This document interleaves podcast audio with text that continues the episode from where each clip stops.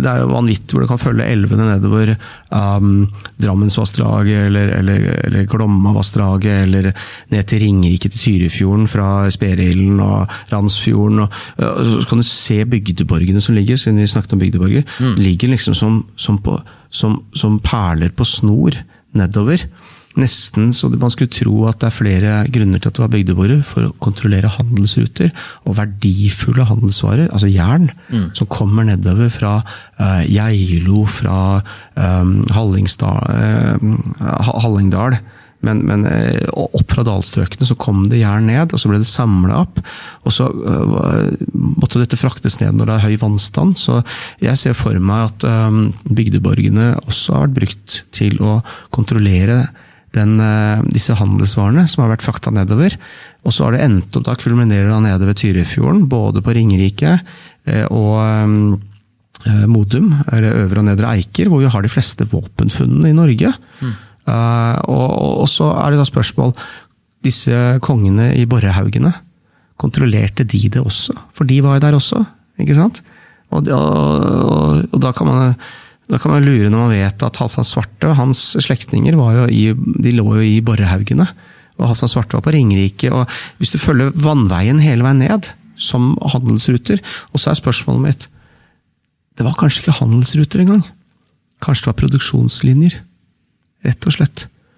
At de kontrollerte helt opp til Vang, hvor hun der gyda til Harald Hårfagre ble, ble henta ned. Mm. Eh, og så gikk det også til Vestlandet, selvfølgelig ned elvene den veien. Men he, alle disse stedene så var det en enorm industri av jernproduksjon helt fra da vi starta i programmet nå, med, med, fra, da Norge ble selvforsynt på jern. Ja. Så, og, og, så ble det frakta nedover. Så Bygdeborgene kan da både ha vært for å uh, ha sånn checkpoints hvor du da sikrer at liksom, lasten kommer seg frem, ja. og holder da uh, konkurrerende eller på en måte piratskip, eller skal si, folk som prøver å stjele lasten uh, med nok sluser til at ikke de kommer nærme nok. Altså Du kan fort rømme, og du kan forsvare deg fra en bygdeborg, så, så det er jo åpenbart. men jeg syns det er interessant, jeg kjører mye til Vestlandet, opp Hallingdalen og over Hemsedalsfjellet, mm. og jeg syns det er interessant å se disse bygdeborgene som de stadig vekk finner nye. Da. Men det er jo eh, Bromma er det en, og, og, man ser dem oppover. Så det, det, er nesten som man skulle tro at hvis du fyrer opp et bål, en varde, en, på toppen av hver bygdeborg, så ser du det. Romerike, der er det fem ja, sånn de er linka visuelt. Nettopp, ja. Og hvorfor det? Jo, det er for å si fra når det kommer handelsvarer nedover. Altså jern, mm. det er så dyre på last. Og så når du kommer ned til Ringerike, så er det, eh, på Hønefoss, så er det to fosser. Eh, og Hønefoss heter Veienfoss. Og, og, Veien var jo gården på den tiden, og den urgården heter jo Ved. Og Det er på samme sted. Og urgården Ved ligger rett ned for to bygdeborger. Ormekula og eh, ja, Den andre husker jeg ikke, men det var der Asle og jeg var. Ja, som han skrev om i boka si. Mm.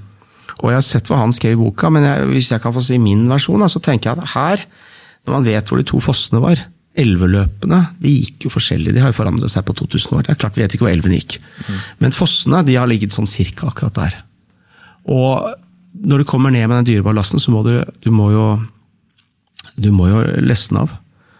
Og så er det perfekt da å komme gjennom de to bygdeborgene. For de er, det er 100 meter, eller 70 meter imellom dem. Og, de er, og så er det sånn uh, juv nedover der. Og Jeg vil oppfordre metallsøkere og sånn, å gå og se etter om vi finner metall der. Da, for Det er en god indikasjon på at de har frakta alle handelsvarene ned. Og så er det veldig lett å forsvare. For Hvis det kommer et skip eller noen folk som skal ta det jernet, for det er så dyrebart, så kan de forsvare det fra toppen der. Mm. Ved å kaste steiner ned og hva som helst. Du får, du får, du får ikke frakta det tunge jernet, disse, den myrmalmen. Du får ikke frakta det vekk derfra uten å bli angrepet. De to du nevnte nå, så går det, da, går det en elv igjen mellom de to i dag? eller kan Nei. det ha gått det gjør ikke Der er det tørt nå, ja. så, så, da kan man gå der og ja, ta ja, teltet. Teorien min er at det har vært eh, kjerrer som har eh, blitt frakta nedover der. og så på, Når du kommer gjennom der, så kommer du til Urgården ved, hvor de har kontroll på alt. Og så er det en teori om at Tyrifjorden lå kanskje litt høyere opp, men i hvert fall det blir frakta videre nedover. og Hvis det ikke var bare handelsvarer som liksom blir handla lenger ned, det kan også være, men da er det mer mikrosamfunn. Det jeg tenker er at uh, Her var det noen som helt nede ved Borre hadde kontroll på det hele.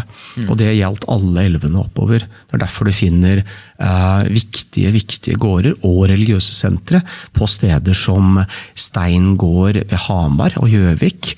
Og der er også Helgøya. Og så er det Helgelandsmoen altså Helligland, ikke sant? Hellig øy, eh, og Norderhov, som er kjempeviktig sted på Ringerike, og Stein gård der også. Eh, sånne maktsentre som vi vet om. For det er der, eh, Dette er før vikingtida, ikke sant? det var der disse, disse kongene uh, slo seg opp.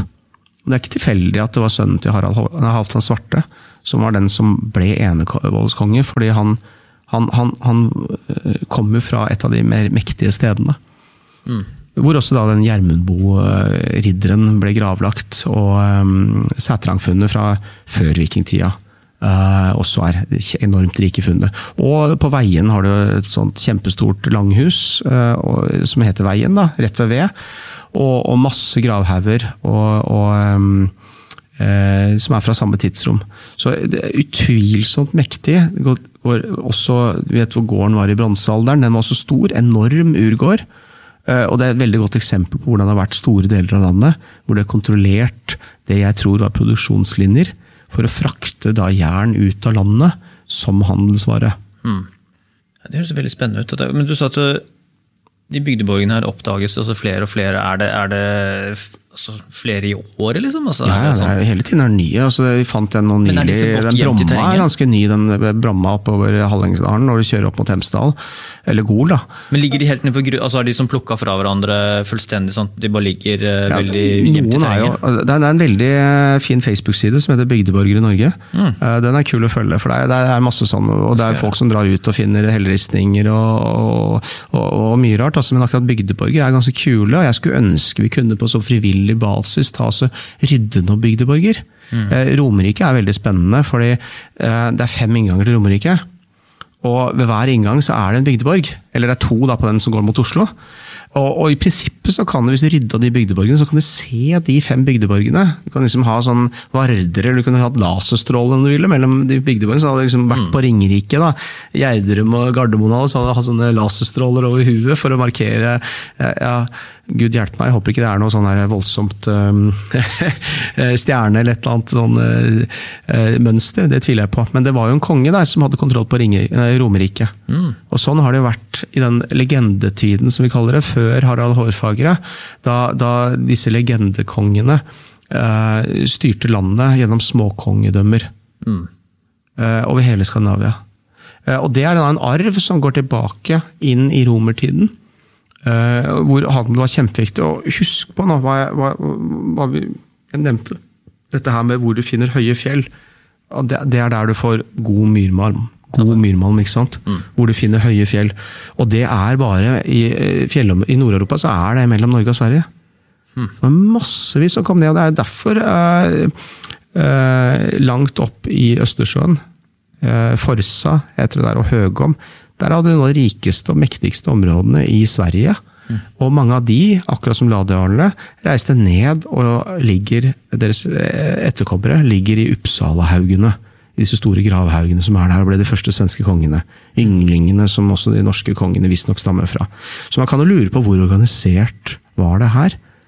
Eh, og jeg tror, Jo mer jeg ser på det, så tror jeg det var veldig organisert. altså de, Norge er ikke noe sånn kjempestort land. Eh, de hadde oversikten, og de hadde full oversikt over hva som skjedde i utlandet og på kontinentet. Og de hadde også full oversikt med den ekstremt sterke orale kulturen, muntlige tradisjonen de hadde, og hva som hadde skjedd i bronsealderen og alt.